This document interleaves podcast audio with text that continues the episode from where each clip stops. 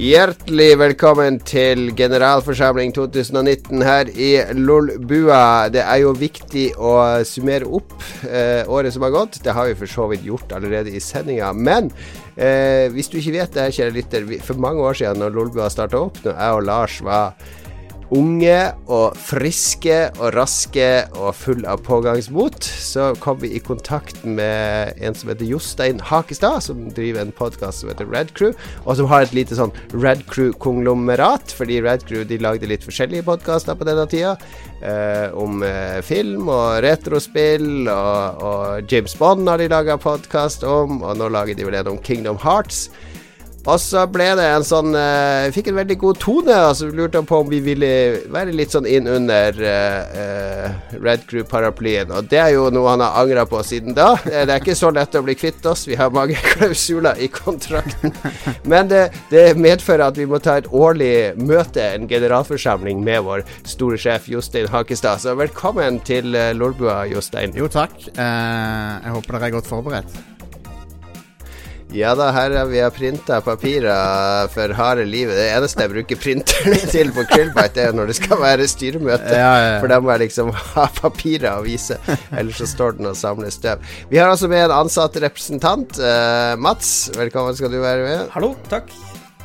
Uh, Lars er som kjent uh, Uh, siden Jostein er med, så kan vi si at Lars er på forretningsreise i Bagdad og søker etter nye utvidede Lolbua og Red Crew-nettverket i Sørøst-Asia. Ja, ja, ja. Det stemmer. Så bra. så bra Han har tatt med seg alle Patron-pengene og pigga til Asia. ja. De eh, er veldig glad for at de står på min konto når han er der nede nå, fordi vi hører den ene skrekk nå er, Akkurat nå så er de i et sted som heter Pattaya. Ja. Eh, som, hvis du googler Pattaya, så, så ikke gjør det på jobb. Nei. Sånn. det er, er som Mallorca eh, ganger 1000. Ja, det så, det, så, det så ikke bra ut. Nei, det så utrolig shabby og harry ut. Får se hvor lenge de holder ut her. Har du vært i Thailand, Jostein? Jeg har ikke vært i uh, Ikke i Asia i det hele tatt. Det har jeg til gode. Hva er det lengst, uh, lengst øst du har vært? Uh, lengst øst må vel være ikke lenger enn Tsjekkiske republikk, tror jeg. Mm, ja, nettopp. vest har jeg jo vært, Vest har jeg vært lang vei, da. Det har jeg. Ja. Så langt at det nesten blir øst igjen. Ja, der har du vært i Los Angeles, ja, ja, ja. lengst vestlig. Stemmer det. Det er kult å, å måle den der, eh, hvor langt man har vært øst og vest. For Det mest østlige jeg har vært, er jo faktisk Dubai.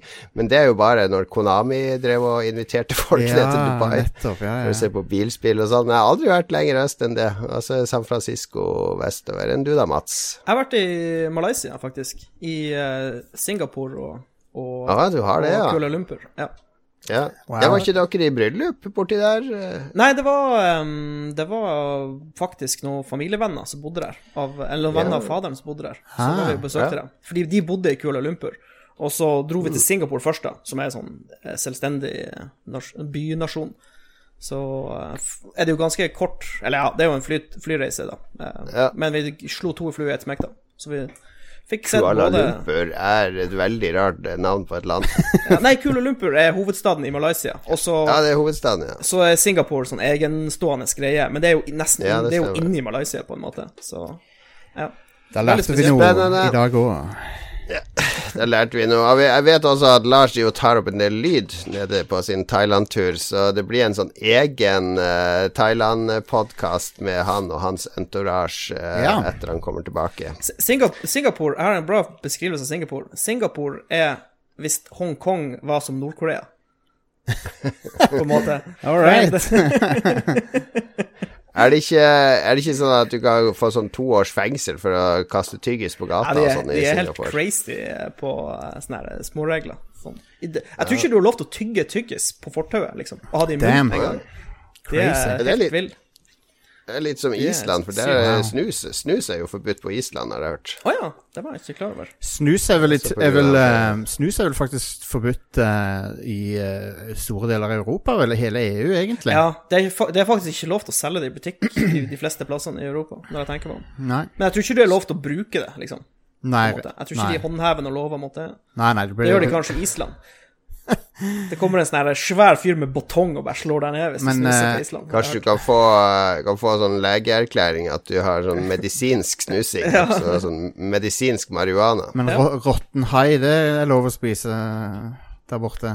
Ja, de har rare prioriteringer. Ja. Uff, uff. Vi skal ha Vi har et sendeskjema inne, eller vi har en, en hva heter det, en agenda i denne generalforsamlingen. Og punkt én på agendaen er hva har skjedd siden sist? En klassiker i podkastsammenheng. Den er det mange podkaster som har.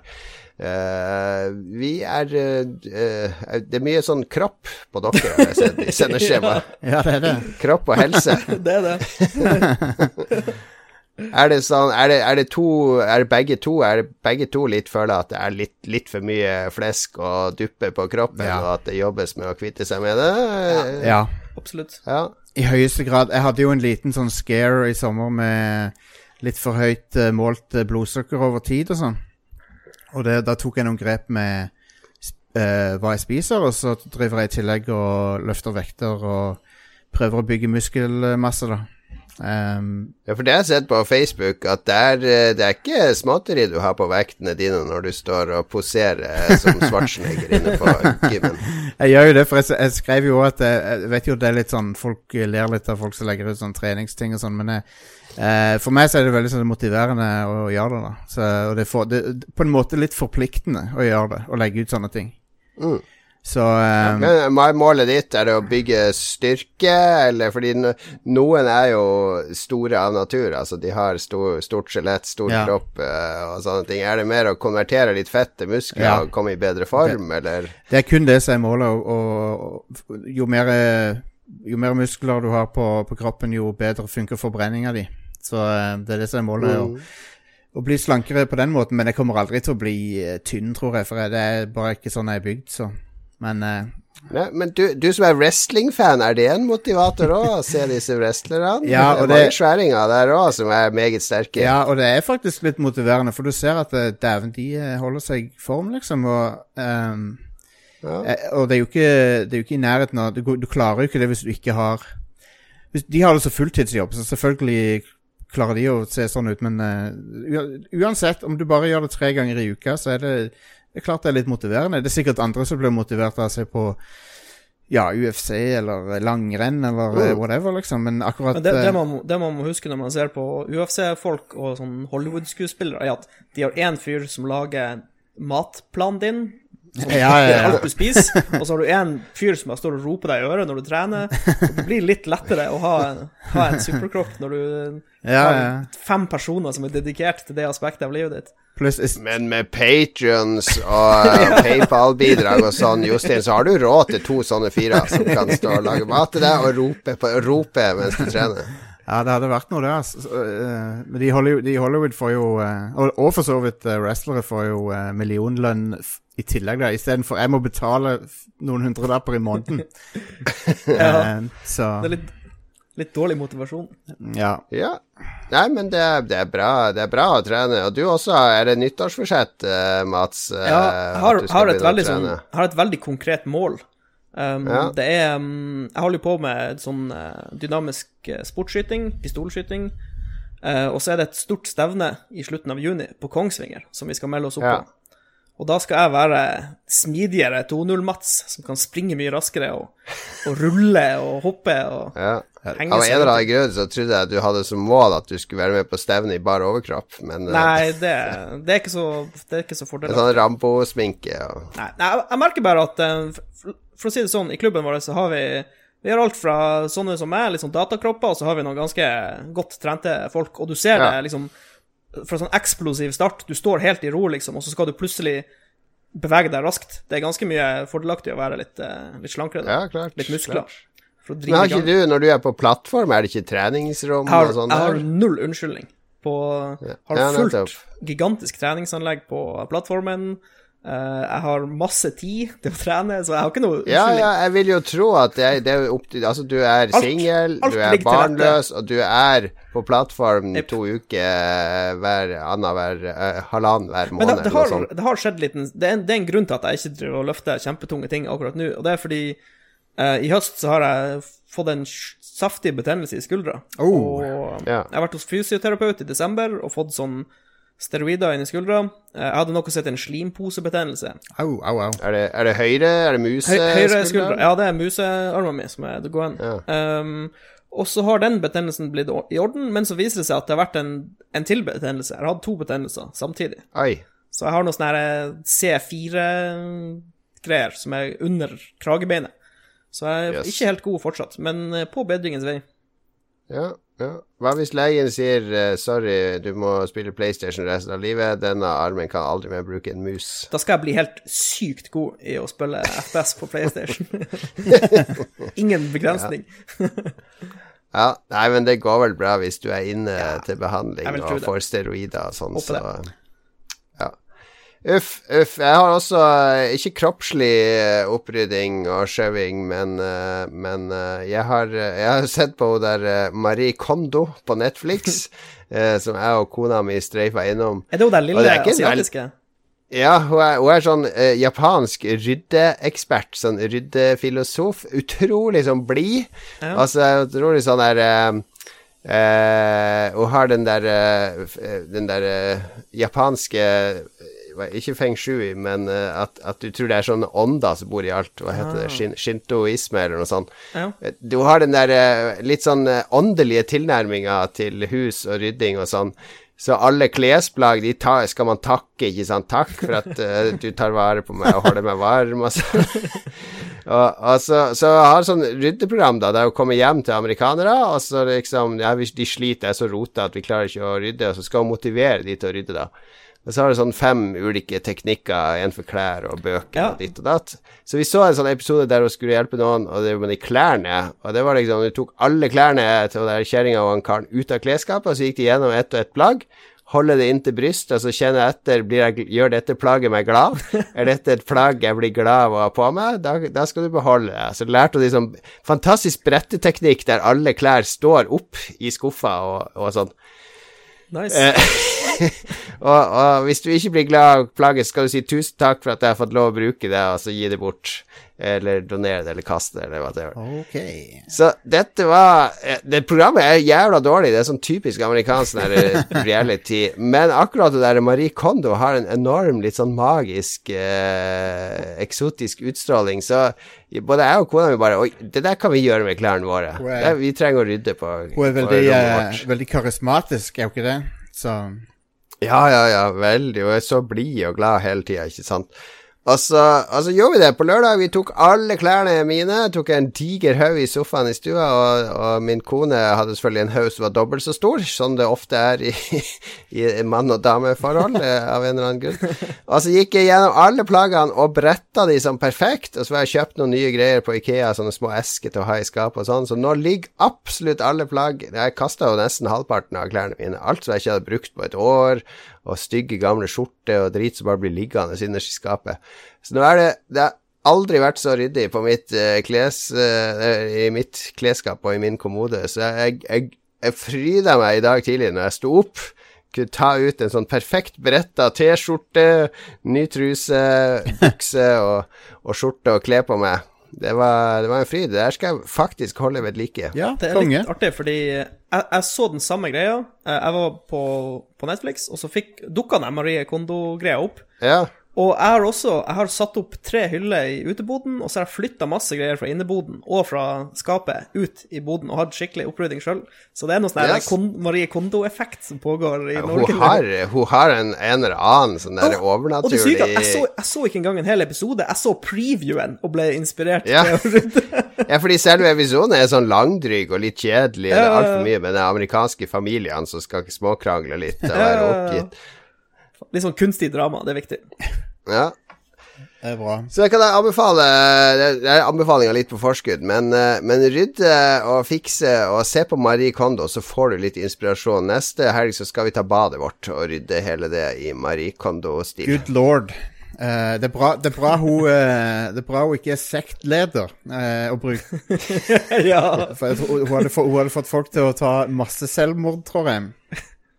Ja, hun hadde kunne stoppa Det kunne vært veldig alvorlig i T-banen i Tokyo hvis Marie Kondo hadde funnet Vridd litt på, på ryddeprosjektet sitt. Ja.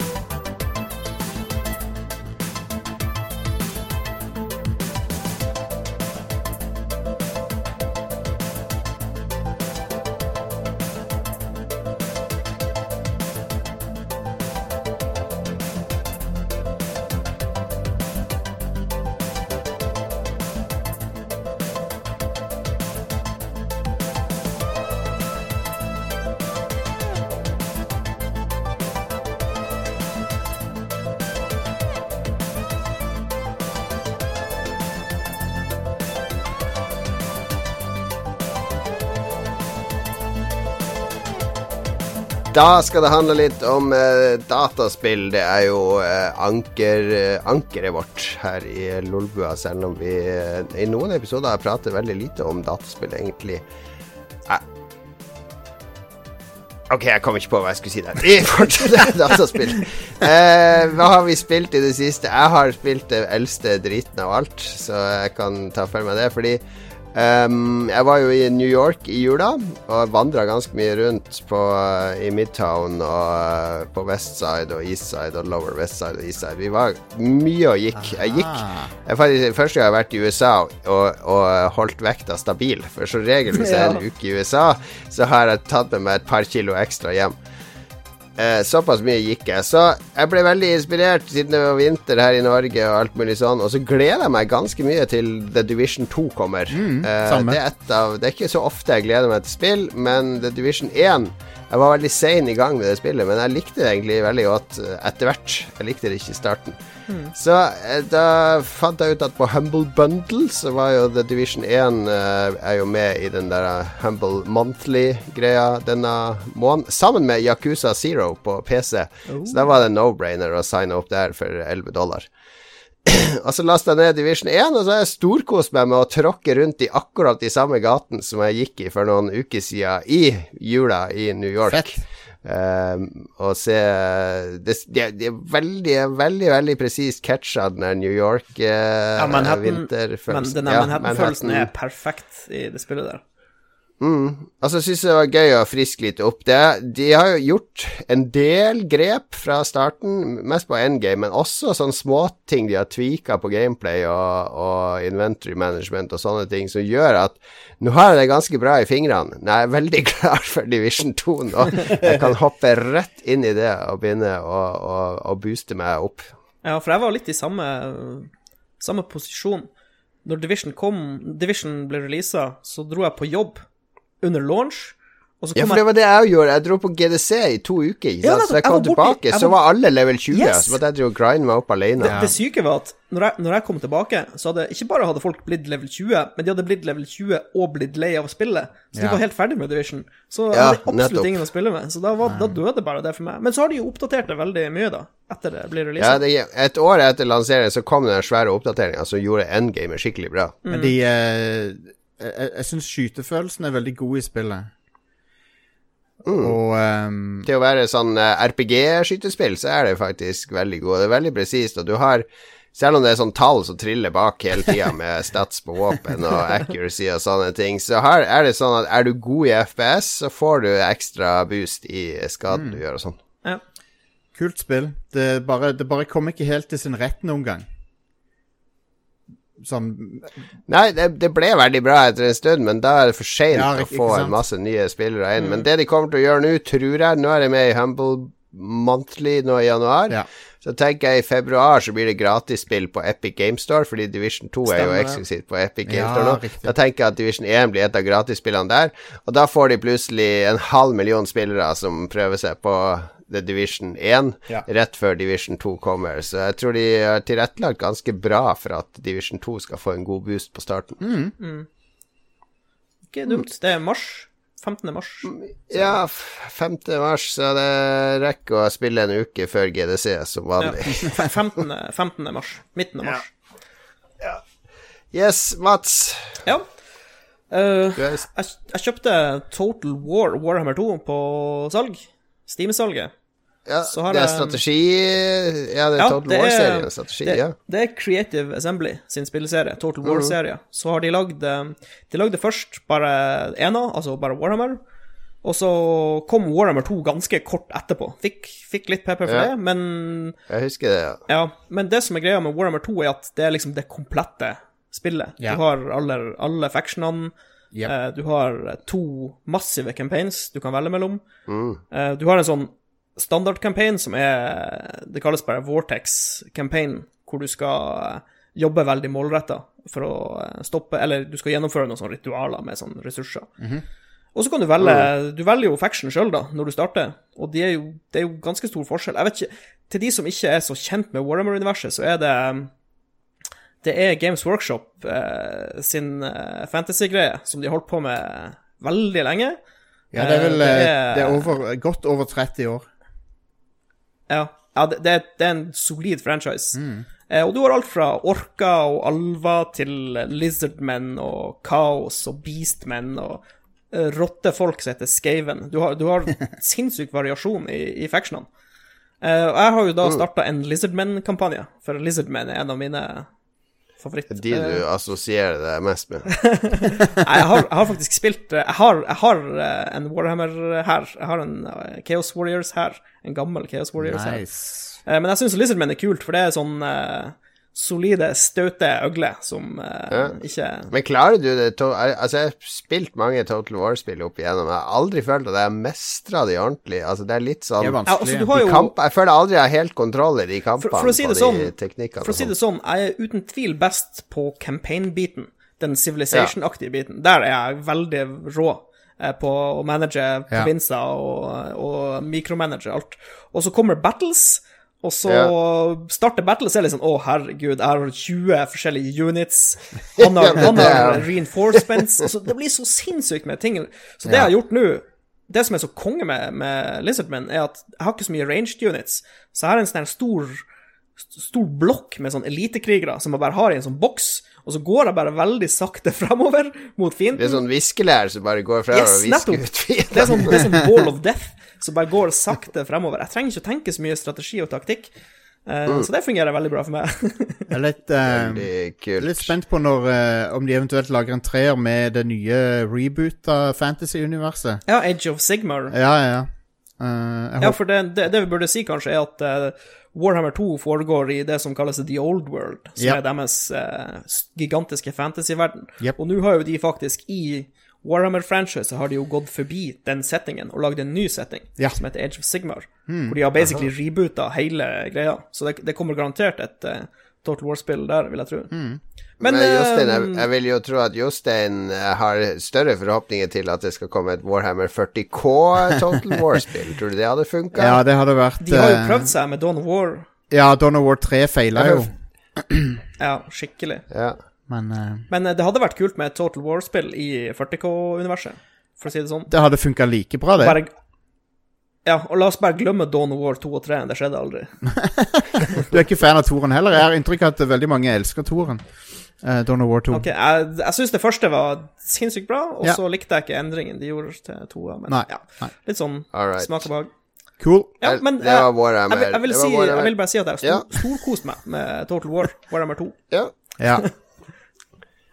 Veldig bra, veldig bra. Uh, du er jo sånn miniatyrmaler, du, uh, Jostein. Ja. Har du spilt med de miniatyrene? Sånn ordentlige har kamper? Eller bare eh, sånn Jeg prøvekamper? spilte litt i, sp vi, vi drev og prøvde litt i romjula når vi hadde gjester, for han, han ene vi hadde besøk av i jula, uh, er litt inne i det og, og kunne vise oss litt, grann, for det er jo voldsomt mye å lære seg. Og, eh, så vi, spilte, mm. vi spilte litt Warhammer 40 000 på stuebordet. Det, det, er kjempe, det er kjempeartig, altså. Det er så kult. Um, Mm. Det er, det, er den, det er en veldig bra hobby. Ja, jeg For du har, Ja. du har kreativitet, og så har du litt sånn kosespilling. Ja, så jeg begynte jo å male figurer eh, i høst, eh, fjor høst, eh, bare som en sånn For jeg trengte noe å meditere med, og det er litt sånn avslappende aktivitet. Så sitter sitte og maler de figurene, så jeg holder på med det. Men så har jeg jo nå etter hvert begynt å bevege meg litt inn og prøve å spille, da. Eh, og har- jeg har jo også skaffa meg Eller jeg fikk til jul av min bror eh, det som heter Warhammer Kill Team, som er et eh, eh, 40, Det er satt i 40 000-universet, og det er miniatyrfigurer og sånn, men eh, um, som, og miniatyrene er kompatible med 40K, uh, så du kan gå de, ta de fram og tilbake mellom spillene. Men Kill Team er, sånn, Kill Team er akkurat som XCOM, så du kan Det er et lite team. Ah. Det er et lite team på bare sånn fem til ti soldater, så du skal liksom in, infiltrere fienden og gjøre sånne små taktiske ob objectives, da. Ah, ja. Så det er veldig stilig. Det er ikke som uh, Jeg har jo Space Hulk har jeg drev og spilte. Ja, det er jo en god- en god gammel For det er jo uh, en gjeng med Space Marines mot Xenomorphs på sånne Gene- ulike Stealers. scenarios. Jep, jep, jep. Ja. Konge. Det er moro, moro det òg. Det du burde gjøre, Jostein, er jo å begynne å putte Sette opp sånne kamper, og så får det ut på Instagram, tar litt sånne kule bilder, og så har du med de For jeg, ser- jeg så at du hadde X-Wing eh, X-Wing spiller, så har du med de romskipene, da. Og så bare sier du at du har Ja, du har laga sånne hjemmelaga regler der det er Star Wars og Warhammer 40K i samme univers. Så, og, så, og så har du masse hashtags på Instagram, så vedder jeg på at du får noen sånne illsinte engelskmenn som tar det som miniatyrgreiene veldig seriøst, som kommer til å rase mot at det er en X-Wing sammen med Space Marinene. Skal Men hva har du spilt i det siste, Jeg har spilt eh, For det første så spilte jeg litt Resident Evil 6, for eh, det er Jeg vet ikke hvorfor jeg ikke spør hvorfor jeg gjorde det, men jeg så de hele trilogien 4, 5 og 6 da var på, er sånn skikkelig billig på PSN nå. Koster Ja. bare 114 eller noe sånt nå. For alle, alle Ja. tre. Så jeg bare tenkte OK, jeg må kjøpe de. Jeg har jo spilt alle tre før. Jeg runda de, tror jeg, alle tre. Det er mulig jeg ikke spilte gjennom hele sekseren, for den er, den er ikke så bra. Nei, den, uh, den er ikke så bra. Nei, så så begynte jeg på den igjen nå. Uh, så jeg på den Leon Kennedy-delen av spillet. For det er jo, spillet er jo delt i tre Ja. campaigns. Ja. Og det er ennå ikke Altså, det, jeg har så lyst til å like Resident Evil 6, men det er litt kalkun, altså.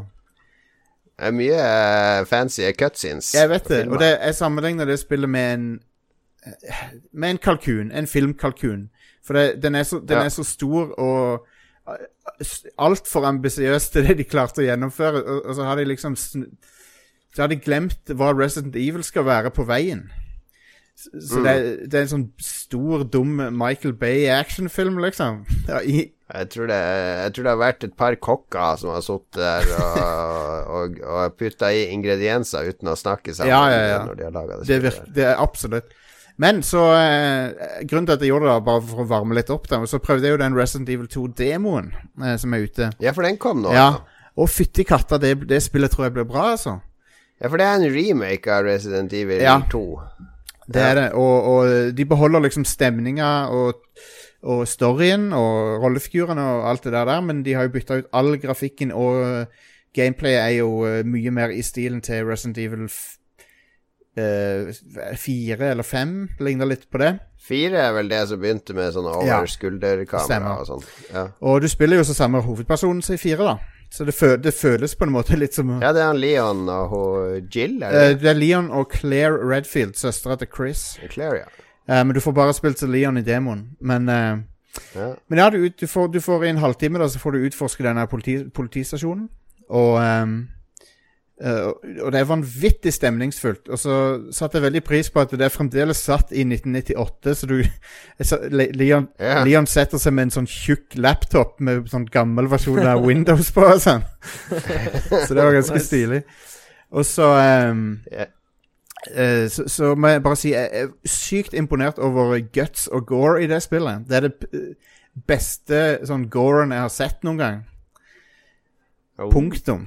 Eh, det, Nå ble jeg ja, du, Jeg så en, jeg så en Det var noen som hadde posta en Du forstår da hvorfor det, var, hvorfor det plutselig dukka opp en gif på Reddit, sånn gaming-subreddit, fra sånn Resident Evil-greier, hvor han var inne på sånn mørk politistasjon. ja, ja, Det er garantert fra den demoen. Men det så utrolig bra ut. For Han drev, og, han drev og rygga bakover, og så klarte han ikke å treffe hodet, og så plutselig gikk han i en vegg, og så stoppa han opp. ja, ja, ja. Så Um, var det litt, var det litt ekkelt. av og til når du, av og til når du treffer Somper i hodet, så ser du skallen splittes åpen, da. det ser så jævlig gnarly ut. Nice. Og så fant, Så fant jeg en sånn politimann som lå på bakken og var død, da. Eh, og så tar kameraet zoomer helt inn på ansiktet hans mens Leon, Leon løfter hodet opp, og så kan du se at han har den derre liquoren, hvis dere husker de. Det er sånne forferdelige monstre som har sånn lang tunge. Ja, ja, ja. Han har tatt og revet opp fjeset på tvers, da, så det på en måte henger og slenger litt. Grann. Og så zoomer kameraet helt inn i kjøttslintrene på fjeset. Sånn. og det er så sykt Se på det, se på dette! ja, jeg vet det. Og det, det er nasty. Det er utrolig bra laga. Det, det, det ser ut som det drypper og renner fra det, liksom. Ja. Så jeg var imponert over Ja, det, jeg, hadde, jeg hadde ikke tenkt å spille det. Jeg er ikke sånn Resident Evil 5, men nå er jeg intrigued. Flash-teknologien har kommet langt. to play. Ja, Den har det. hvis det er så eh, går det. Vet du hva, når, jeg husker godt da Resident Evil 2 kom, for da jobba jeg på Akersmik. Uh, det var i 98 det kom, Mm, var det ikke det var det. Jo, det er omkring. Kom på to plater, så jeg husker utsalgsprisen var 698 i stedet for 599. Så ble det 699 i 1998, det er mye penger for et spill. Folk vet ikke hva de klager på i dag. Å, det- dette indiespillet på fire timer koster 100 kroner, skandale! Shut up. Yep. Eh, men jeg jobber på Akersvik. Altså, vi skulle ha nattoppe. Det var jo den største lanseringa det året på PlayStation. Re alle skulle ha Resident Evil 2, så vi hadde nattåpent. Og jeg og Ronny, som jeg jobber med da, vi sminka oss som zombier. Altså var butikken helt mørk, og så kom kundene inn, og der sto det to zombier i kassen. Det husker jeg godt. Det var veldig gøy. Veldig eh, gøy. det, Ja, god dette er første gang på mange år at jeg har blitt creepa ut av zombier i et spill. Det har, det har ikke skjedd på evigheter, men et par øyeblikk i denne demoen så, tenkte, så fikk jeg litt sånn småpanikk. For de virker Det, Altså, de, de beveger seg treigt og sånn, så når det er bare én av de, så OK, fair enough, da har jeg litt tid til å skyte. Men så fort det blir to eller tre, så begynner du å stresse. For de ja, er for da må du på et tidspunkt sikkert lade om. Uh, Ja, ja, og, og de ser så de ser så gnarly ut i det spillet at de, du blir frika ut, rett og slett. Så jeg, jeg gleder meg til å pisse i buksa av det spillet når det kommer ut. Jeg har veldig lyst til å prøve det Det som var VR-kompatibelt. Det var vel bare Resident Evil, det, det som kom Det var Syveren. syveren. Det, Syveren. det er faktisk et nummerert syver i serien. Um, OK. det, hvis du ser på logoen, så er den ene bokstaven et syvtall. Men Ja, okay, ok, sånn, ja. Jeg er ikke så inne i det, men uh, ja. Men jeg ja. tror det kan være eh, ekstra creepy. ja, det spillet er forferdelig. Eh, Men det er jævlig, det er jævlig bra, altså, men det er uggent. ja.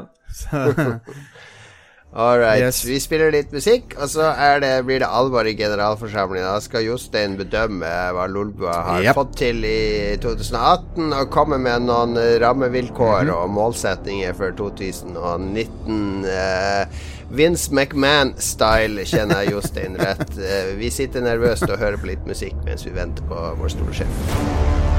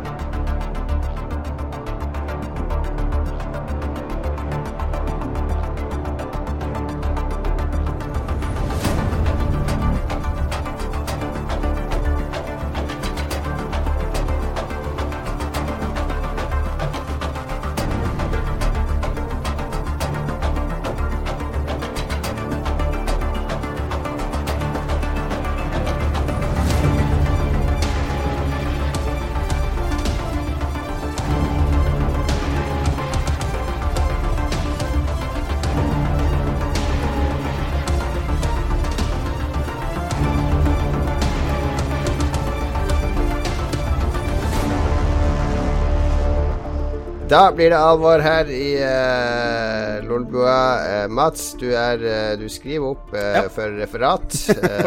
Det må, må jo føre protokoll som skal signeres etterpå. For nå er det alvorets time. Vi har jo et slags partnerskap med Radcrew. Eh, så vidt jeg vet, så blir det aldri signert noe. Alt er muntlig over Messenger for det meste. Det blir enige om. Vi kan jo, vi kan jo hoste dere, og skal vi gjøre ditt. Og så, det har jo dryppa litt begge veier, det. Ja vi skaper jo eh, masse hyggelig innhold eh, til dere, eh, Ja. og, og, og vi setter får i gang live-ting og Mm. sånne ting, sånn som uh, podkastfestivalen i fjor høst. Og så samarbeider vi vel litt om uh, taktikker overfor leverandører og sånn, har vi samarbeida litt om. Og fått tak i spill, Mm. og hjelpe hverandre litt opp og frem. plasser i juryer. Jeg fikk vel deg inn i Nordic Game-juryen og sånn. ja da, det er veldig setter veldig pris på Så vi, vi tar vare på hverandre, det er det som er poenget i et partnerskap. Men eh, noen krav må jo en sjef stille, det kan ikke bare være kos, Jostein. Så nå må vi, nå må vi få høre noen, Ja. noen komme med noen eh, analyser av hvordan det går, egentlig. Ja. Så ok, så uh, tenkte først vi kunne ta for oss hva er det som uh, jeg syns dere har uh, gjort bra i året som gikk. Uh, vi kan jo begynne med Eller jeg vet ikke vel, Do you want the good news or the bad news uh, først? Men vi, jeg, jeg har i hvert fall tenkt å begynne med de gode nyhetene. Så Ja, det, ta det først. um, Og uh, jeg må jo si at uh, jeg syns det er uh, god variasjon i uh, i eh, temaene dere snakker om. Dere har uh, diversified ganske mye på, på liksom Snakker ikke bare om spill lenger. Det er ganske god variasjon i det dere tar for dere. God analyse av ting, og uh, alltid, alltid noe interessant uh, som dere har holdt på med. Dere, dere er jo flinke til å ta med ting dere holder på med inn i show og sånn. Så det syns jeg, synes jeg er veldig bra. Um, og um, så uh, kan vi jo gå over til den andre tingen, som uh, Ja. som Jeg vet ikke om dere har hørt det, men eh, eh, det, er på tide å, det er på tide å legge fra seg PS Vita som, eh, som plattform. dere, dere kan ikke fortsette å dekke Vita-spill i 2019. Ok, så det er en eh, Det er en konkret eh, Ja. retningslinje fra ledelsen. Ja, det er vel, At Vita skal vi ikke Det er akkurat som å jobbe på GameStop og få beskjed om at nå tar vi ikke imot Vita-spill. Eh, Nå skal vi ikke snakke om. Vita-spill lenger. så PSV okay, Ok, det- det, Det er notert. det, er godt, det, det er i hvert fall et år siden Sony slutta å, å gi ut spill til ham. Så Men uh... Nettopp. Så- det er. Ja, så det er den ene tingen. Den andre tingen er jo at uh, det er ennå litt uh, Jeg føler Jeg trodde vi skulle ha fått eh, bukt med dette til nå, men uh, jeg føler det fremdeles er litt sånn distriktspreg på showet.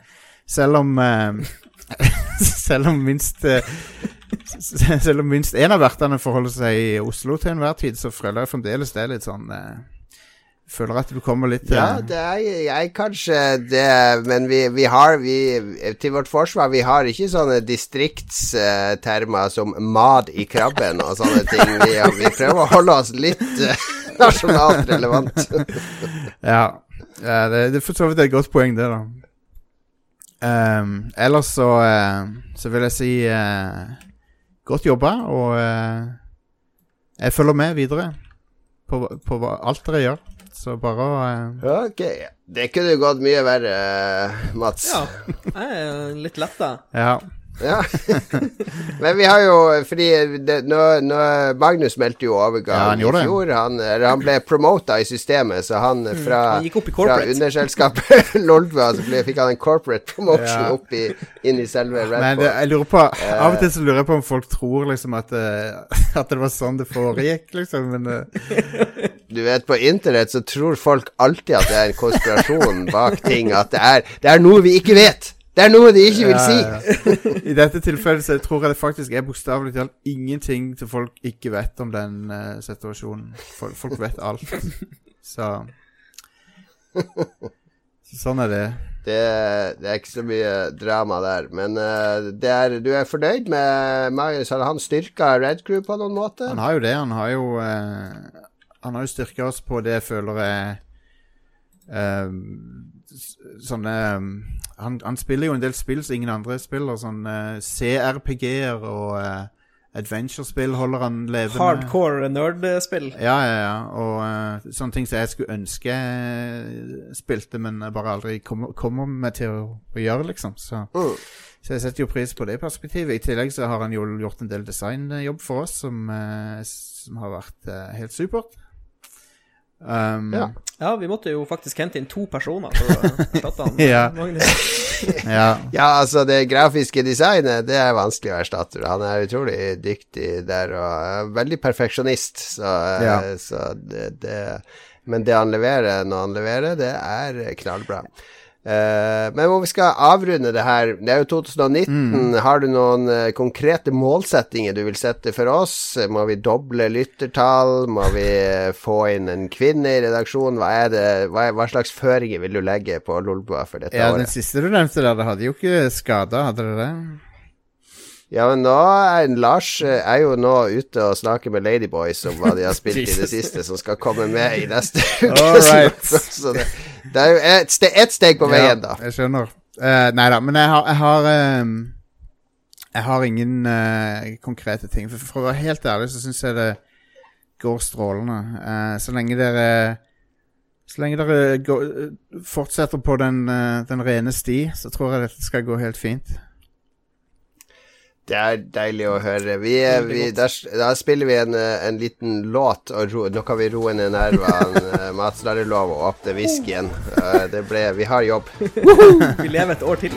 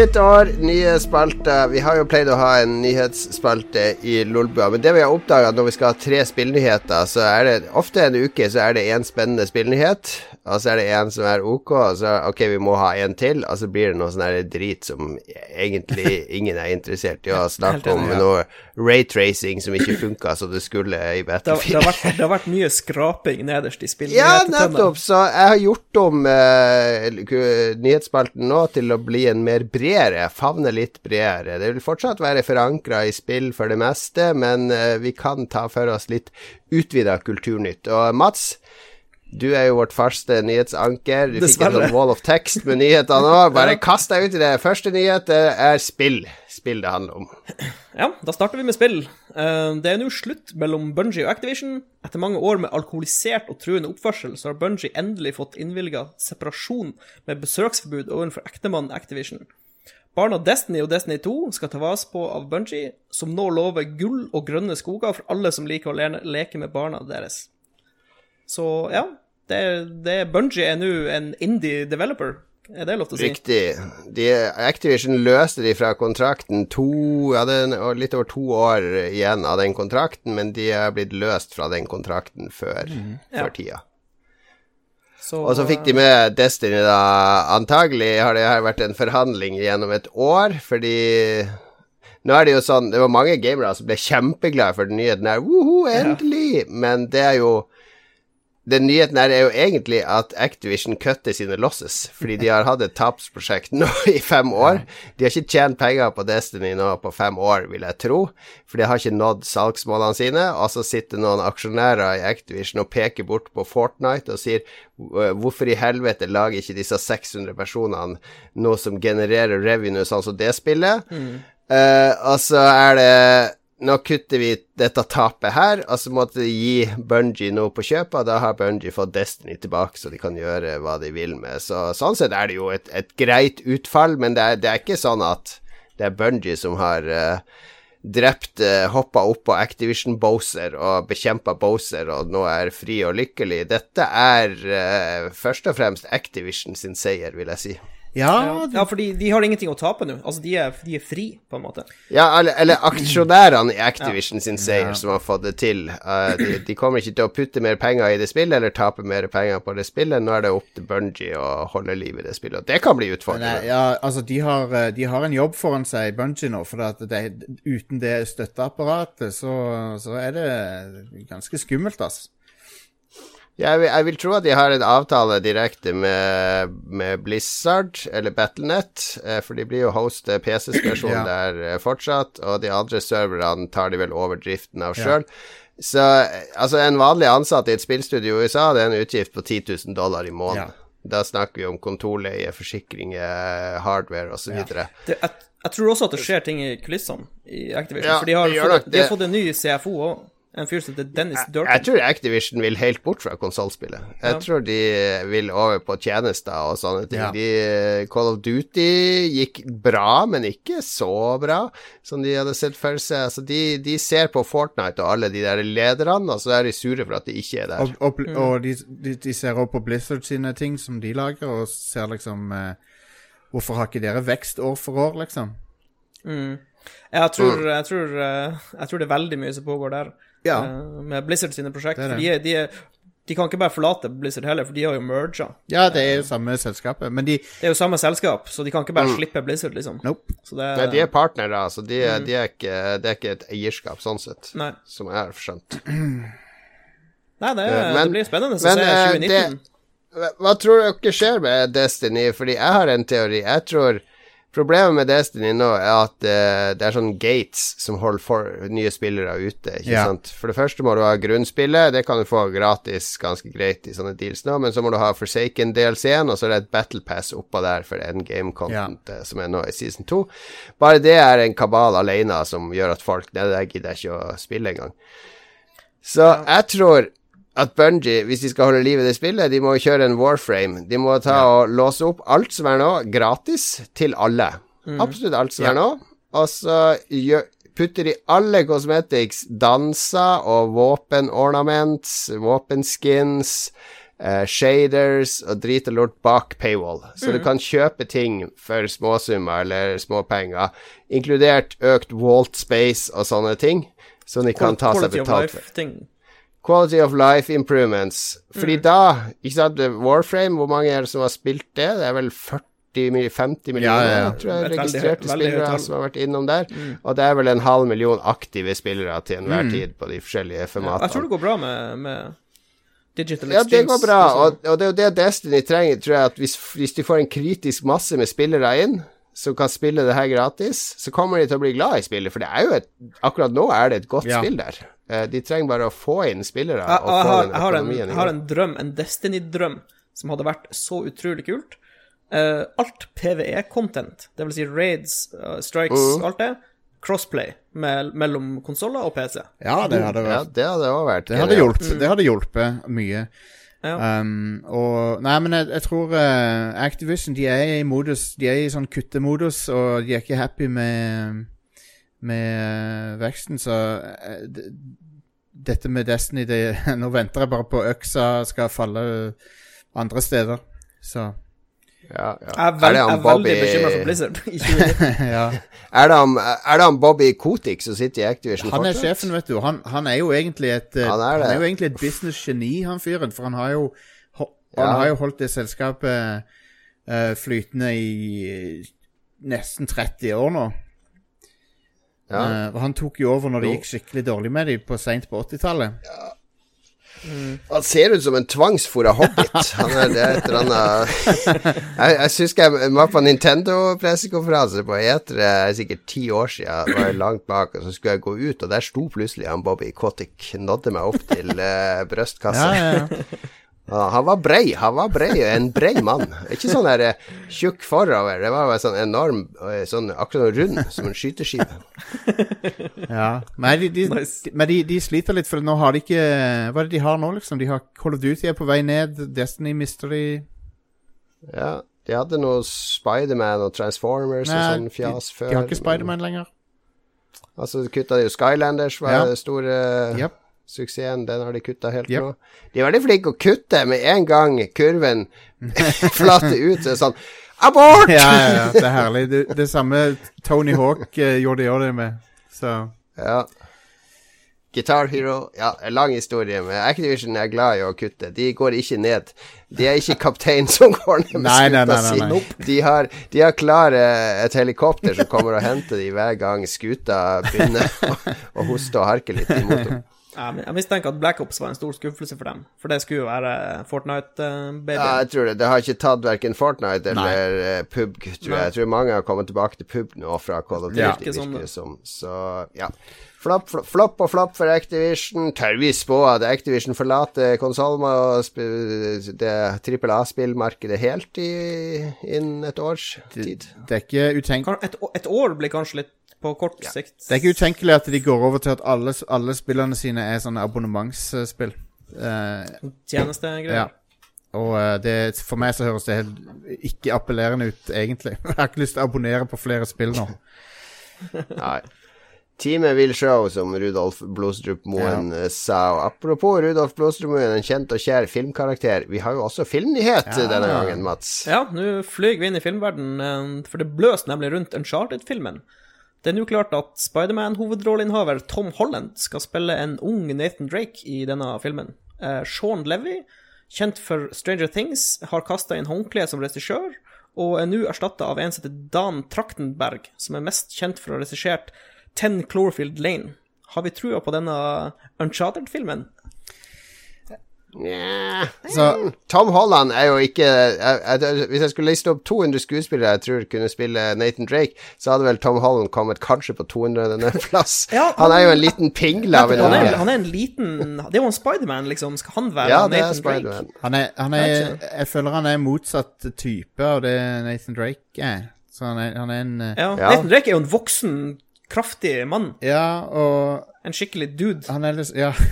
Selv om han er en ung Nathan Drake, så blir det litt feil type, syns jeg. Men eh, Jeg føler han er for spinkel, rett og slett. Men det kan hende de bare moser han full med HGH og bare boler han som faen. Ja, det blir nok, det blir nok Marvel glad for når han skal komme tilbake. igjen. Planen er at det skal handle om en yngre versjon av Nathan Drake. Altså i ungdoms eh, 20-årene, Ja, ok, før okay. han liksom Ja. blir den Nathan han er i dag. or origin movie, Men, um, basically. Sikkert. Han Regissøren eh, lagde jo den Ten Cloverfield Lane, som dere sa, og, og den er veldig bra. uh, så Ja, Ja, den likte er jeg kjempegodt. Det er en knallfilm. Ja. Så det, akkurat det lover godt. Forsiktig Ja, vi, vi endrer fra, fra at vi ikke tror at det var forsiktig optimistisk. ja. Ja. Ja. Nei, vi, eh, vi får jo krysse fingrene, herregud. Det er jo gøy hvis man får til Ja, ja. en bra filmatisering av et uh, eh, Filmatisering av et spill.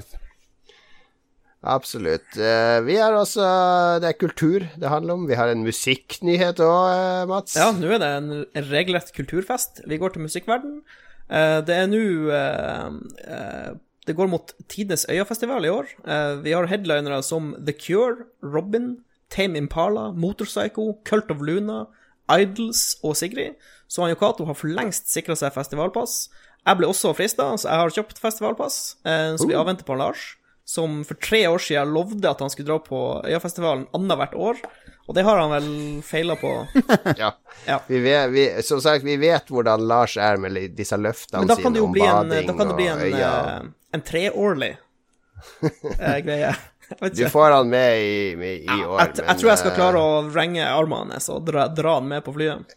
Det som er med øya, er jo at de har jo inngått et sånn internasjonalt samarbeid. De ble jo kjøpt opp i fjor av en sånn der eh, organisasjon som har tre, to eller tre andre svære festivaler i Europa. Og det er alltid et faresignal det at vi mister sånn kreativ kontroll eller bookingkontroll over festivalen, men fordelen er jo alltid det at det, den topporganisasjonen kan booke en artist til alle sine festivaler, ikke sant? Ja. Ja. Det, og det gjorde jo at, eh, at de får mye større navn dit. eh, Altså, de, de deler litt på det, på en måte. De drar på alle. De deler på artistene. Fordi Ja. det her er, er, det er to andre festivaler i, i Sør-Europa som denne eieren også har. Så Ja. de liksom drar mellom de tre festivalene. Så jeg tror det blir bra. Men du er, du er ikke noen sånn festivalmann, Jostein. Det går bare i klassisk hos deg. ja, men jeg har aldri kommet inn i festivallivet. Rett og slett eh, Jeg må innrømme at jeg har vært for nerdete til det. Um, aldri vært kul nok til det, rett og slett. Så. Nå var jo det Øyafestivalen i mange år hadde jo en diger EA-stand når Silje jobba i EA. Det var Ja, veldig det er gøy. Da, da var det liksom Spill var en del av festivalbildet. Stilig. Det er kult. Ja. Men eh, nå er det ikke så mye spillgreier. Det har vært snakk om å lage noe VR-greier og sånne ting, men det er, eh, det er, det er deilig med festival. Det er, eh, Jeg syns det. Jeg var jo med i um, uh, 2016, har jeg lyst til å si. mm, ja, ja. Ja. Så det, det fungerte veldig bra. Jeg syns det var utrolig fin plass de hadde i festivalen. ja. Så det var God logistikk og Mm. god musikk og sånn. Nå er jo altså Jostein kan jo ikke skille The Beatles fra, fra Kiss. så jo, det han- kan jeg. kan jo det. Good lord.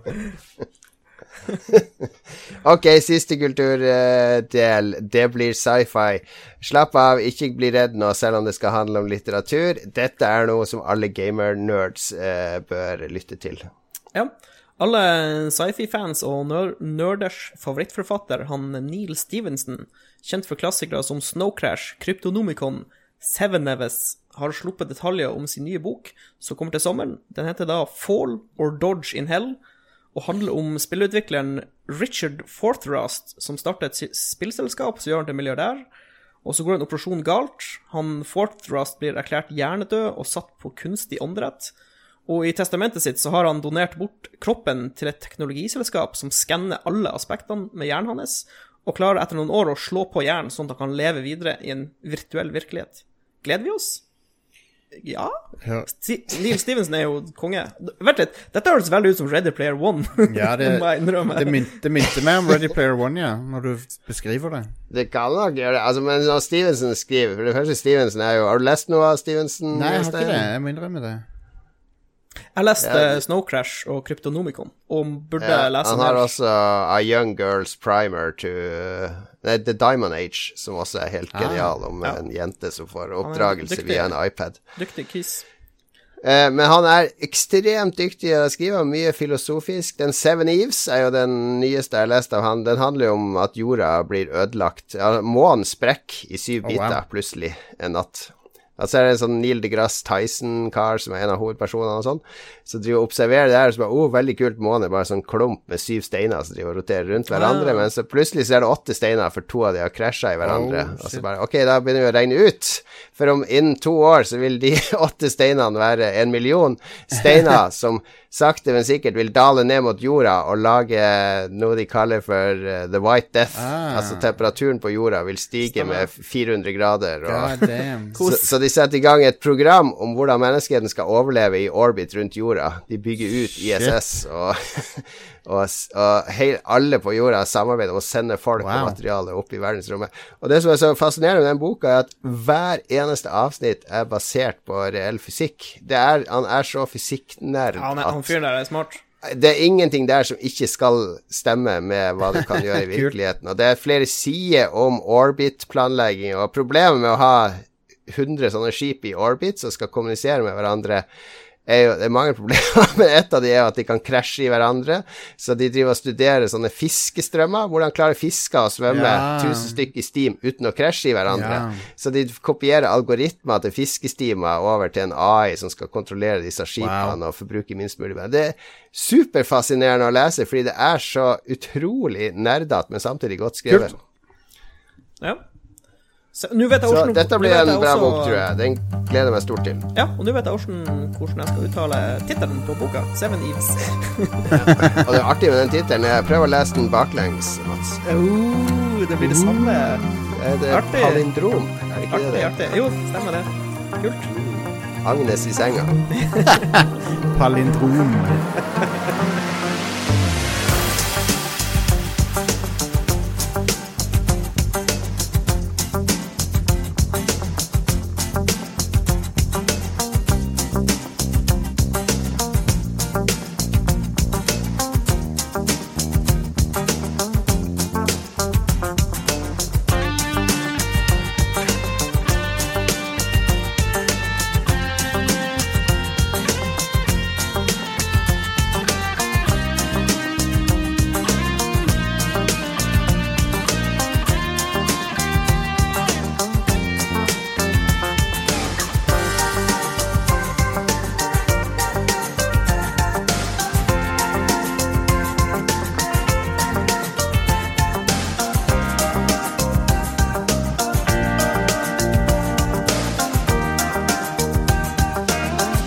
nærmer oss veis ende. Vi har en anbefaling, og så har lytterne kommet med noe innspill. Og mange spente lyttere som hørte at Jostein skulle komme, og som ble nervøs for at det var slutten for Lolbua as Ai, they know ai. it. Uh, de kan roe seg ned nå, men vi skal, de skal få lov å slippe til helt på slutten. Men før det så har vi jo anbefalingsspalten. Og Jostein, du har en hardtslående anbefaling denne gangen. Ja, jeg tenkte jeg må ha med noe som jeg vet ingen andre uh, har, uh, har med seg. Sant? Så um, I helga nå så var det, så det live, faktisk. Da var det noe som heter for uh, WWE NXT Takeover UK. Uh, som er en uh, tre, ja, tre timers uh, sånn uh, paperview-event eh, som WW hadde i England, med eh, NXT, som er på en måte den der utviklingsavdelinga til WW, der de liksom bygger opp yngre talenter eh, for framtida, da. Eh, men så har de jevnlige sånne paperviews med de yngre talentene, og det, nå hadde de et med bare britisk eh, delen av VV da, som eh, de aldri har gjort før. Og det var veldig artig. Det var en sånn annen stemning på det. Sånn, publikum var litt, hørtes ut som fotballfans. drev og ch- Litt sånn hooligans. ja, de, de drev og chanta og liksom hadde sånne De sang. Å, sånn, ja. Ja, ja, ja, Så det var sånn he Jeg tror he helt annen stemning enn i USA. Eh, men eh, mange kule britiske wrestlere som du liksom aldri har hørt om, mange av de. Og, um, det var et interessant event. Og for du vet, VVE de begynner også å se seg litt i, uh, i bakspeilet, og så ser de at andre driver og finner på ting, og så tenker de shit, vi må ekspandere til utlandet og og uh, spre oss litt, hvis ikke så kommer indie- indie-scenen til å ta oss.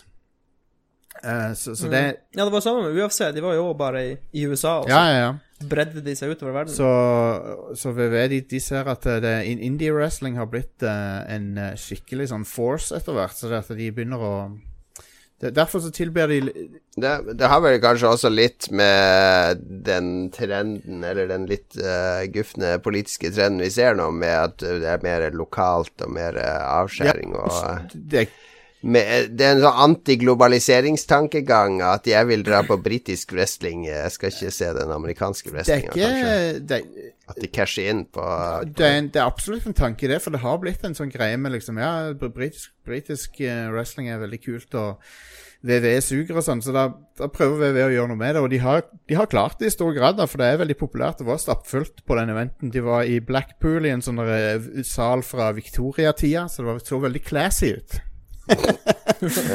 Nice. Så eh, nei, det var en gøyal event, og det er sånn gratismåned på det der eh, WWE Network, eh, der du kan se all Basically alt de har lagt ut Alt, alt VV har laga siden 80-tallet, er på den appen, så Uh, so.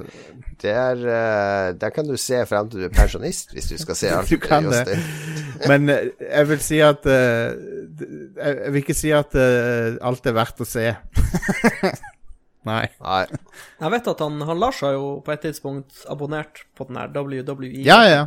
Vi har sett, vi har sett noen uh, events. Nå er det WrestleMania om to-tre måneder, så det blir litt artig. Oh. Um, sannsynligvis med historiens første kvinnelige main event. Oh. Det har jo blitt uh, kjempegreier i UFC òg. Det er sånn paralleller mellom UFC og Ja, det er det. Med trender og sånn. For de har jo også begynt de, Noen år tilbake så begynte de med female fighters. ja, ja. Og nå har jo de jo hatt main events. Og jeg må si at jeg har sett noen av dem og det er helt sinnssykt hvor nivået har, har gått opp da på bare noen år, liksom. Helt absurd. Mm. Ja, ja. Det, det, det, Det er veldig artig, artig å se. VV har sett på det som uh, Og VV har jo tatt inn Ronda Rousey. Hun er jo en pro wrestler nå. Eh, og, og, Mm. Stemmer det. og faktisk er veldig naturtalent for det. Hun, hun, hun skjønner eh, forskjellen. Så hun, hun skjønner at dette er liksom eh, teater, på en måte. Så hun, men hun er, ja, hun er Ja, ja, ja. jævlig god til det. det var, Ja, og- altså, hun har jo, hun er jo fysikken Ja, ja. plass, så Nei, men det er kult. Altså, kvinnelig wrestling, når jeg så på, det var jo en Jerry Lawler som sto og hylte og skrek på ah, the boobies, Ja, the boobies! det, det er pinlig. Ah! Hel, heldigvis så, eh, så tas det mer alvorlig nå. Så alvorlig så du kan ta den eh, tullete underholdningsformen. ja, nettopp. Jeg likte Jeg har jo håndhils på Jerry Lawler, vet Oh, wow. du. Just Wow. Jeg likte, likte The King. Ja, han er jo en- Han er en underholdende fyr, men han er jo litt sånn fra fortida. Ja, ja. Husker han det var han som hadde beef med Andy Kaufman det. i sin tid, uh, på Letterman og hele den pakken der, så han er jo en Det, det legende er der. det, de gjorde, det han og Kaufman gjorde. Da, de, alle trodde jo på det. At det var en ekte Ja, feud, liksom. Okay. Helt briljant. Jeg likte det. All right, WWE NXT Takeover UK Blackpool er anbefalt av uh, Jostein her. Eh, Mats, du har vært på uh, Du var, gikk på kino. Ja, stemmer, uh, satt omringa av ti- og tolvåringer. Eneste mann på over 30 som satt der. Fikk noen stygge blikk fra Jeg hadde, hadde med meg en alliert uh, som var litt eldre enn meg. Ja. Men eh, vi skilte oss uten tvil ut. Det var noen eh, folk som hadde med ungene sine, basically. Ja. Vi var også Spiderman Into the Spider-Verse. ja, for det er den nye animerte Spiderman-filmen. Ja, det er en ny animert Spiderman-film. Um, den er Jeg husker jeg så en trailer, og så var jeg ikke helt solgt. Og så så, så jeg bare på Rotten Tomatoes at den hadde så sinnssykt positiv Ja, det tilbakemelding. har fått veldig god omtale. Ja, altså. veldig god omtale. Så jeg, dro jeg bare og så den med en kompis. Og nå forstår jeg hvorfor den har fått så mye god omtale, for det var en, det var en jævlig bra film. Um, det er um, Det er da, uten å spoile for mye, så uh, blir vi introdusert til en ny, en ny karakter som heter Miles Morales. Yep. Um, Ja. han, er, han er ikke så ny i Marvel-universet. Det er fra 20, rundt 2011-2012, tror jeg han ble introdusert. Uh, og det er Ja, det, det er en veldig sånn uhøytidelig film. Den tar seg ikke så alvorlig.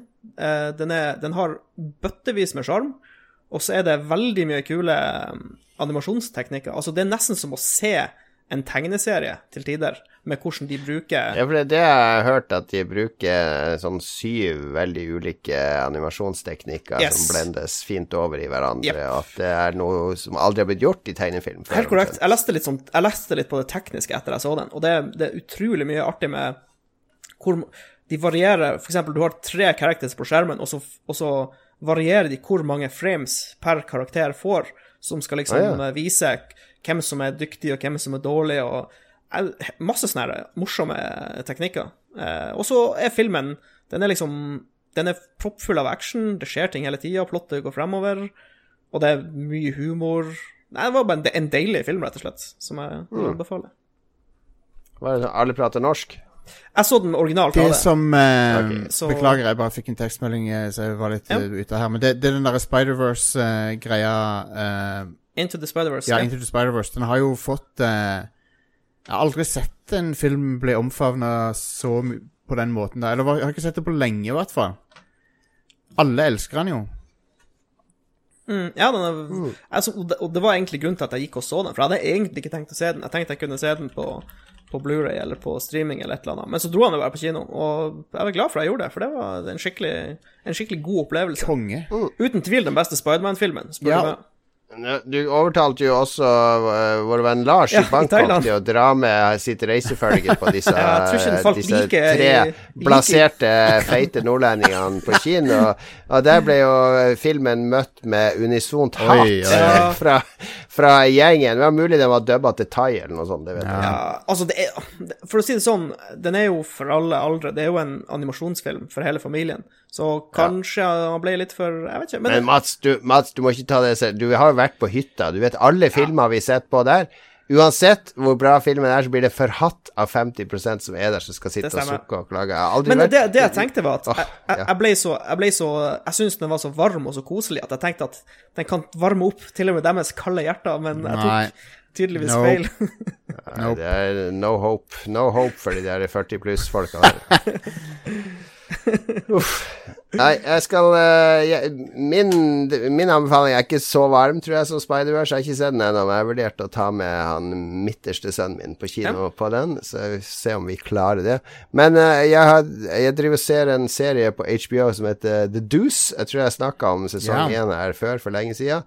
Sesong to kom jo for en stund siden, men jeg har liksom ligget på backburneren helt til denne helga, fordi det var to barn på korpsseminar, så plutselig kunne jeg se TV på dagtid. Eh, det kan jeg til vanlig òg, men jeg kan ikke se en, en TV-serie om pornobransjens fremvekst i New York.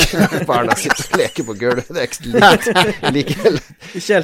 The foregår jo i New York, og her er enda en forlengelse av at jeg var i New York nylig. Det var litt derfor jeg begynte å se den, fordi det er New York på 70-tallet er kanskje hvis jeg, hvis jeg kunne leve på nytt på 70-tallet, så tror jeg jeg hadde levd i, på Manhattan i New York, for der skjer det så utrolig mye på slutten av 70-tallet når de begynner Eh, Punkmusikken vokser fram, du har CBGBs, du har en masse band, du har hele den der eh, greia rundt den serien som han Scorsese produserte for HBO, som gikk ned etter en sesong, vinyl. Uh, dette har for seg New York på 70-tallet, den elsker jeg. Og så har du The Deuce, som tar for seg Times Square, og det var jo et ufattelig sleazy eh, område Ja, på var det ikke, men var det 70-tallet. ikke farlig på Jo. Manhattan på den tida Det var livsfarlig, og livsfarlig. Folk ble jo Yep, drept yep. hver dag. Eh, livsfarlig å ta T-banen, og det var gjenger, og det var kriminalitet, og det var halliker. Og det her handler jo om horemiljøet på eh, Manhattan. Eh, det er gangstere med, og så er det folk som driver barer, og så er det pornobransjen og sånn peepshow, og mafiaen er jo involvert i det meste her. Eh, og masse prostitusjon og pimps, og det går ganske seigt framover. Eh, men eh, sånn som i sesong to, så er det veldig Sesong én er veldig sånn den legger opp til masse som skal skje. Altså i sesong to så faktisk gjennomfører de en Ja. del av det. Det er masse konflikter, og, og pornobransjen får liksom bli mer profesjonell, og hun ene skal lage sånn kunstfilm og sånn, sånn som de gjorde på 70-tallet. De drev og miksa inn sånn der eh, fyrverkeri når, når mens det var orgasme. Alt mulig sånn der Classy. psykedelia. Så det er en veldig, veldig tidsriktig eh, New York-presentasjon. Og så er det jo det er ganske kule skuespillerpresentasjoner. for han er James Franco.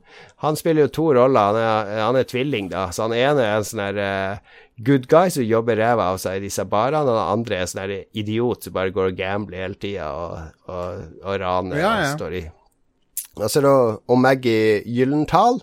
Hun er jo en sånn superprostituert, og også produsent for serien. Og så er det jo Jeg tror det er der The Wire-duden som har skrevet Kult. sammen med eh, Ah, ja. en annen meget kjent forfatter. Så det er stjernefolk med på laget Kult. som har laga det her. Så anbefaler absolutt. Eh, et dypdykk ned i en sleazy fortid som, eh, som er nærmere enn mange tror. Altså, New York nå er jo et turistmekka, men, eh, men, men Times Square var jo et, et, et verdens rasshøl på Ja, ja. 70-tallet. Altså, det var det var liksom porno Det var der pornoindustrien samla seg på Times Square. Det var bare sånn pornokinoer og peepshows og strippebuler rundt hele Man Times Square. om eh, Streames på eh, HBO Nordic. Streames på Ja. HBO. jeg, jeg satt og tenkte på HBO Nordic her tidligere i dag, og på tross av at eh, liksom selve tjenesten og det tekniske og sånn er jo under under Ja. standarden til Netflix, Netflix, ja. men, men uh, på tross av det da, så er jo innholdet til HBO er jo uh, ra, Du kan si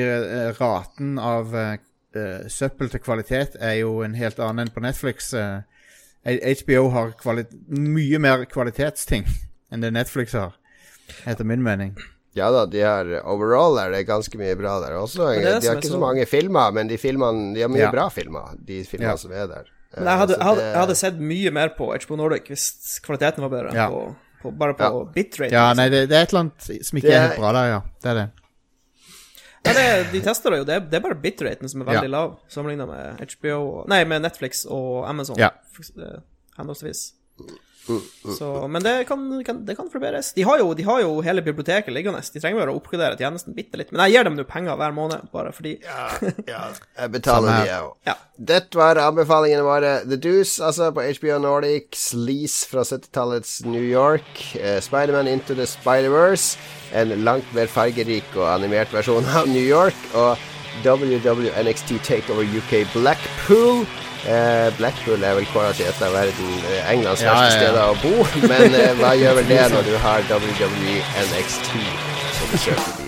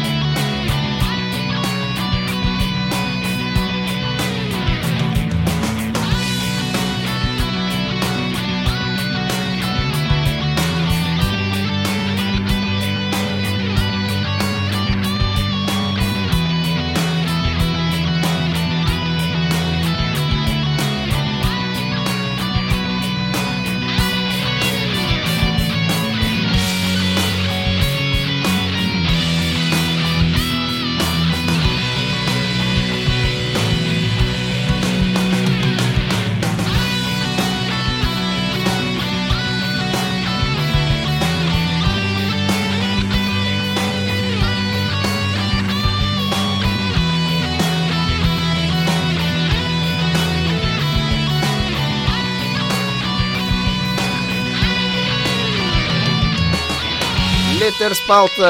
Endelig skal lytterne få komme til ordet. Uh, endelig, sier det. Det- ja ja, vi får se om de har noe fornuftig å si denne gangen. Jeg begynner med godeste Fridtjof Nikolai Wilborn. Han er en aktiv mann i mange kanaler. Han er bra aktiv både i Rad Crew sine grupper og i Lolbua sine grupper. Og han lurer på hvordan CEO Hakstad tenker utviklingen har gått etter poachingen av Magnus og ansettelsen av erstattere. Hva sier det om kvaliteten på Magnus versus de nye, og hva er planen for utvikling videre? Vil du sende dem på kurs? De trenger sårt noen smørbrød, Ja, må vi kan godt uh, fikse noen, uh, noen smørbrød, hvis det er det som er greia. Men eh, Nei, jeg vet ikke. Jeg har ikke lyst til å sette folk opp mot hverandre. Jeg syns alle Hvis jeg skal tre ut av, eh, av eh, fiksjonen litt her nå, så syns jeg at eh, alle gjør en bra jobb, og jeg har ikke lyst til å sette folk opp mot hverandre. Er Veldig Både LOL For vi hadde jo tenkt å foreslå å bytte Dag Thomas mot å få Magnus tilbake. ah, Ja, jo Altså, Dag Thomas er ikke bare psykedelika of the Ashen. Hawk. Det er Han er han multitalent. Ja, multitalent. Ok. E- Erik André Vik Mamen. Eh, Hvem skal Hakestad knabbe denne gangen? Her kommer Her kommer det på løpende igjen. bånd, ser jeg, på, med de spørsmålene. Nei, jeg skal ikke knabbe noen. Men jeg vil gjerne ha Jeg vil gjerne ha flere som gjest uh, av og til. Det vil jeg. Ja, litt Ja, cooperation. og, ja begge veier, egentlig. Ja. Ja. Jeg føler vi må ha noe Warhammer. Ja, absolutt. Um, Det må jo være perfekt. Du må jo få inn Mats i en Warhammer-scene. En- en eh, Jeg er. Jeg en, en gammel ja, da må vi gjøre det. Det må vi gjøre. Um, vi hadde en, ep vi hadde Ja. en episode der vi snakka om uh, Lauren bak Warhammer 40 000. det er så og den, kult. uh, den gikk skikkelig bra, den episoden. Folk likte den veldig godt, så um, Har du, har du sett Nå avsporer litt av her, men har du sett han fyren som driver og lager sånn minikortfilmer på YouTube? Som heter Astartes? Ja, jeg har sett han. Eh, en annen fyr Ja. som heter Lutin også. Og, og eh, det er mye bra sånne law-videoer på YouTube, og Ja, det, er- det, er så, det er så deilig jeg vet det. All right, all right. Get a room. Get a room. Eh, Mats, Mats uh, Ja? ikke, ikke signer nå hvis han kommer med noe ark. Nei, nei, nei. Raymond eh, Eikås Caspersen, eh, hvem skal sparkes denne gang? Det ble vi, vi Ja, slapp ja. unna alle sammen, Ja. Raymond.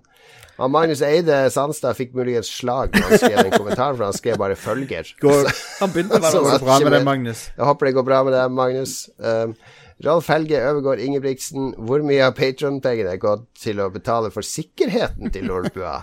Ikke Det skjønte jeg ikke helt. Men uh, svaret er Men, mener, han, mener han fysisk sikkerhet, eller sånn økonomisk Har sikkerhet? dere, um, har dere ansatt noen eh, sånne vakter eller noe sånt? Noe? Security? Nei, nei Altså, det, det, vi har ganske Vi kan godt vise regnskapet vårt og sånn. Det det er ikke noe snusk og hemmeligheter der. Men det meste har gått til reiser for Lars. Han har vært i Oslo flere Ja. ganger. Uh, og vi har hatt sånn live-greier og sånne ting. Uh, og så er det Ja, der skylder vi Du også kunne få dekket noe reise der, Mats. Jeg husker det ikke går fint. Ja. Nord. Nordsjøen betaler. Men så er det jo det er Soundcloud og Photoshop og litt På- sånne software-utgifter. Eh, julekort brukte vi jo litt på, og så sendte vi jo hoodies og klær og ditt til patrons. To det, ja, vi dekker alle løpende utgifter. Akkurat nå prøver vi å spare litt og se om vi kan komme oss få etere eller et eller annet sånt. sånn. Eh, det skal vi De to kanskje største utgiftene til Rad Crew uh, som vi får gjennom uh, premium-sida og Patron til sammen, det er studioet vårt, eh, som eh, koster en god del. Du vet, å leie et kontor, det du kan sik- sikkert gjette deg fram til omtrent hva det koster. Og så Ja. har du uh, trykke T-skjorter og den type ting. Det er de to største utgiftene. Mm. Men det koster, Det koster gjør å være kar. Men eh, vi, det, det gjør at vi kan gjøre mye kulere ting, føler jeg da. Så man er, er jo evig takknemlig. Ja, ja, ja. Er du Ja, altså, det, er jo det er jo genialt å kunne spare opp litt til litt sånn E3-prosjekt eller et eller annet, liksom.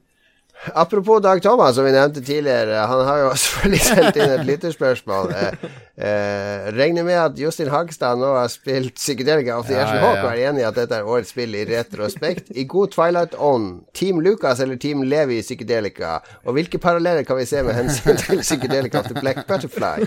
Eh, Dag Thomas sin favoritt er Levi, som han trodde var hovedlove interest i første gjennomspilling, men der tok han feil. Det er mye kniving om kjærlighet her. Utrolig Ja, du vet, spennende. det var så vidt jeg klarte å legge fra meg PS Vitaen før jeg måtte på opptaket her. Så eh, Det er bra. Du blir han også ja, ja. Så det var, eh, det var Det er vanskelig å legge fra seg. Det er en page turner. Ja. Jeg tror kanskje vi, jeg har, er vi har fått beskjed om å kutte Vita snakke Ja, det det, det. her blir siste episode vi snakker om psykedelika til Ashton Hawk. Nå har den spøken fått lov å kjøre ganske lenge. For de som ikke skjønner spøken, ta og hør på vår oppsummering av Goti 2018, der Dag Thomas klarte å kuppe det med et PlayStation Vita-spill. han, han er fan av uh, visual novels, er han det? Ja, meget. Meget stor fan av visual novels. Han er en levende visual novel, eh, Dag Thomas. Bare følg ham på Snapchat, så får du en visual novel du skulle ønske du kunne ønske. Wow. Det, OK, det skal jeg gjøre. det. ja, ja, det på Ja. eget ansvar. På eget ansvar, absolutt. Kristoffer Christopher Getterboys Hansen Leistad lurer på hvorfor vi kun sendte eh, julekort til Svendsen, og ikke til Bjabbe, altså Bjørn, i Saft og Svele. Det ble nemlig et stort diskusjonstema på podkasten? Saft og Svele. Jeg kan si, vi, sendte jo ut julekort før jul, eller jeg sendte ut julekort før jul. trykk av 200 lekre julekort. Du har fått ditt? Ja, jeg Jostein? fikk det, og uh, d- eh, satte veldig pris på det. det var et veldig interessant motiv. Ja. Men det så vi hadde vi, Alltid er det jo litt sånn tidspress. Jeg jo, fikk jo trykt de julekortene en uke før jeg skulle dra til New York. Uh, og så hadde vi en sånn registrering på Lolbua sin Facebook. Vil du ha julekort? Bare skriv deg opp i sånn Google-skjema. Så det var 110 Jesus. eller noe sånt som registrerte seg der. De ville ha julekort. Ja, det ble mye håndskrevet, alle konvoluttene her. Men så skulle jeg jo sende til alle partnere og sånn òg, ikke sant. Folk som vi har jobba med. Spillmatic og Jostein og, og venner og partnere. Jeg sendte jo også til sånn PlayStation og, og alle sånne. Herregud. Det var jo bare på gøy. Men da var det jo å finne adresser. Og Bjørn, eh, Bjørn sin adresse er ikke lett å finne på gule sider. Det er veldig mange som har hemmelig Ja. adresse. Så jeg tror jeg sendte etter Bjørn Jeg fant en eller annen adresse i Brønnøysundregisteret på, eh, på hans selskap der, men det er sikkert en utdatert adresse, tenker Ja. jeg. Så det er en eller annen som flytta inn etter Bjørn, som har fått det julekortet. Uh, men er du ikke på gule Har du vegra deg for det, så har du bare deg sjøl å takke. Herregud. Kanskje du har en sånn postboks han sjekker en gang hver sjette måned. Ja, ja. Ja, for jeg Sånn ville jo at det skulle være en overraskelse òg, så jeg kunne jo ikke sende melding til alle 'Hei, vi skal sende julekort til deg, hva er adressen din?' For da går de liksom og forventer noe. Det er artig, og hvis 'Hæ, hva i helvete er det her?' Så åpner de opp, og så kommer det opp ræva til, til Lars som ligger oppå meg. Det, det, surprisen må jo være der, ikke sant? Ja, herlig bilde. Ja. Så derfor uh, Nå har vi Nå blir det bare det interne igjen her. Ståle Baldvidsson, vårt redaksjonsmedlem, regner med at det er en grunn til at Dag Thomas og han ikke er invitert. uh, ja. Det holder jo med én- det representant for de Si ansatte. som, uh, ja, det jeg gjør jo som. Vince McMahon You're fired! Eh, Lars Rikard er den siste. eh, Vår, eh, vår gode venn Lars fra Bangkok. Han lurer på hva er den beste standup-vitsen Jostein har skrevet til nå? Det er jo eh, det, Jeg vil si det er ikke opp til meg å si.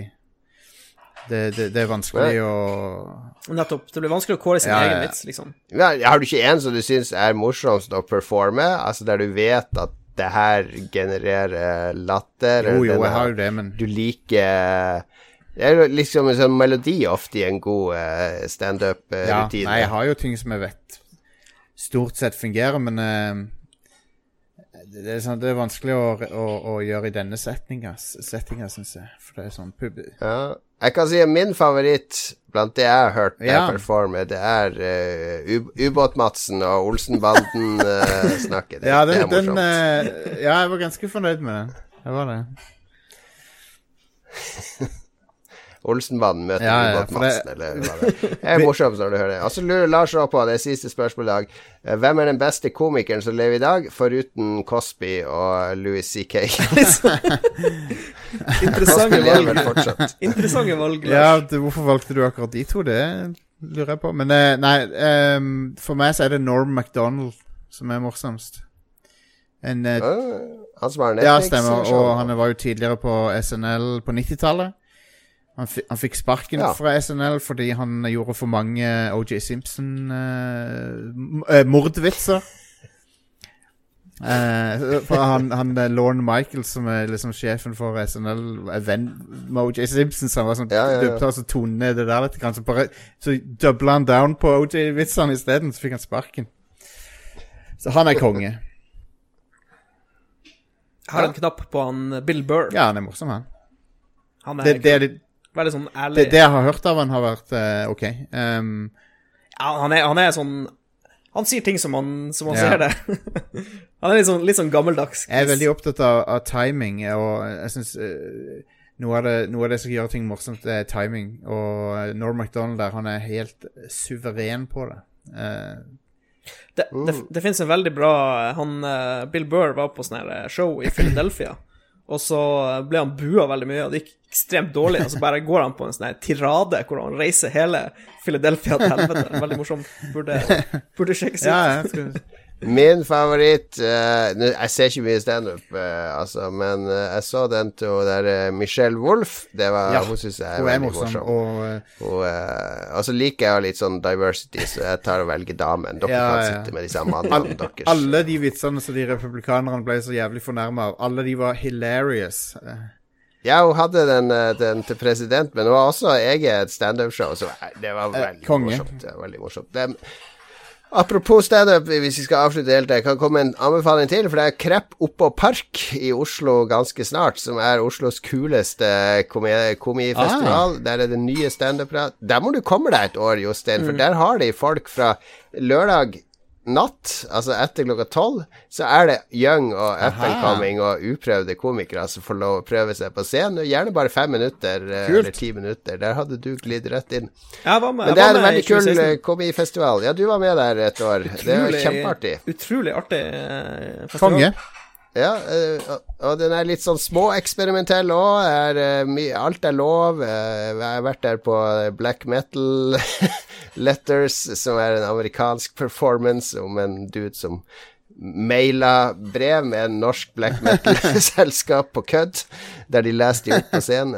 Mye, mye moro på den festivalen. Jeg er dessverre bortreist stad, ellers hadde jeg dratt i år. Og Crap opp på Park er en ekstra anbefaling her. Det var det. Da er vi ferdig.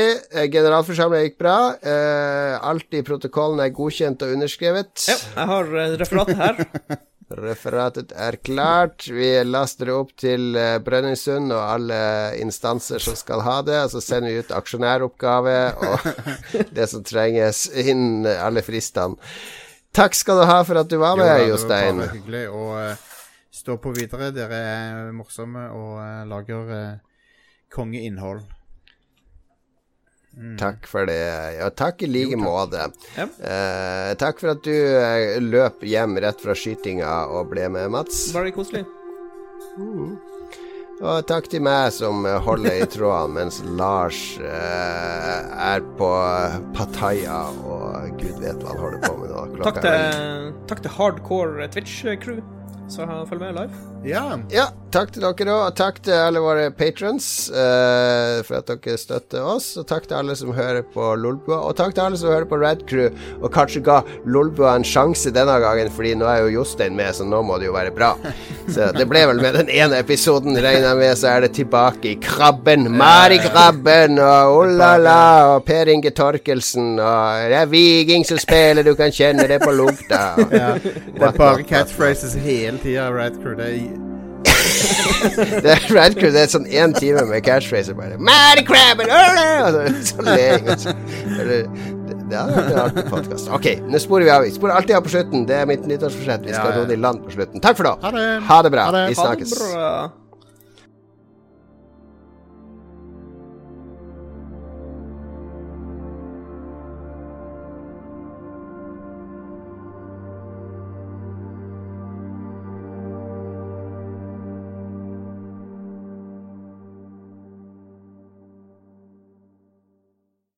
Har du et enkeltpersonforetak eller en liten bedrift? Da er du sikkert lei av å høre meg snakke om hvor enkelt det er med kvitteringer og bilag i fiken, så vi eh, gir oss her, vi. Fordi vi liker enkelt. Fiken superenkelt regnskap.